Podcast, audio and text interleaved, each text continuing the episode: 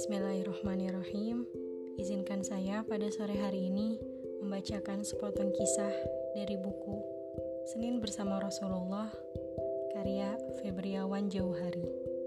Yang semoga kita bisa mengambil hikmah yang ada di dalamnya. Tidak cukup dengan ingin.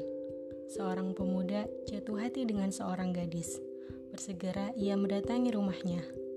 Pak, izinkan saya melamar anak bapak. Katanya mantap di ruang tamu itu. Sebagai orang tua yang membesarkan si gadis dari kecil sampai dewasa, tentu ingin memastikan seberapa jauh keseriusan si pemuda. Khawatir jika besok lusa terjadi hal yang tidak-tidak. Apa yang sudah adik persiapkan? Selidik si bapak. Si pemuda terdiam, garuk-garuk kepala kebingungan. Adik sudah kerja? Belum, Pak. Adik punya rumah? Belum, Pak. Adik hafal Al-Quran? Tidak, Pak. Adik rajin sholat jamaah? Kadang, Pak. Lantas, perkara apa yang mem membuat adik memberanikan diri melamar anak saya? Hanya karena suka? Jawab si pemuda cengengesan tidak jelas. Adik lihat itu apa? Tanya si bapak sambil menunjuk pintu. Pintu, Pak. Nah, silahkan adik keluar. Saya rasa kita semua sepakat dengan tanggapan si bapak. Bagaimana mungkin akan menyerahkan anak kesayangan kepada orang yang tidak mempersiapkan apa pun? Jika begitu, kita juga harus setuju. Bagaimana mungkin Allah menyerahkan surga kepada orang-orang yang tidak mempersiapkan apa pun untuk mendapatkannya? Tentu semua kita ingin masuk surga, tapi apakah iya kita sudah mengusahakan jalan menuju ke sana?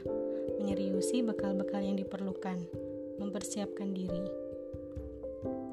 Jika kita berharap masuk surga, hanya bermodal ingin semata tanpa ada usaha yang serius, maka siap-siaplah menelan ludah.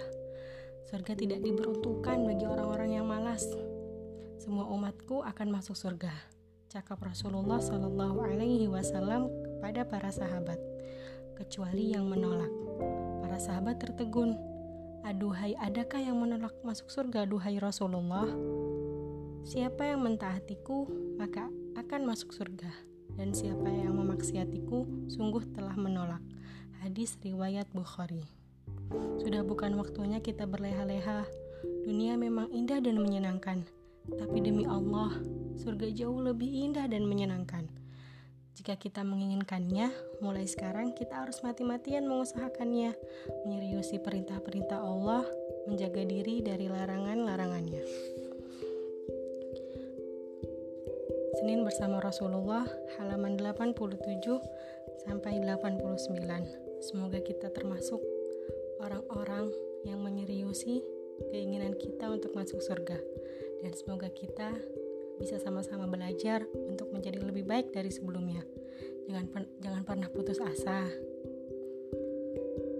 Kalau nanti di depan ada rambu putar balik, putar balik ya. Kita belajar sama-sama.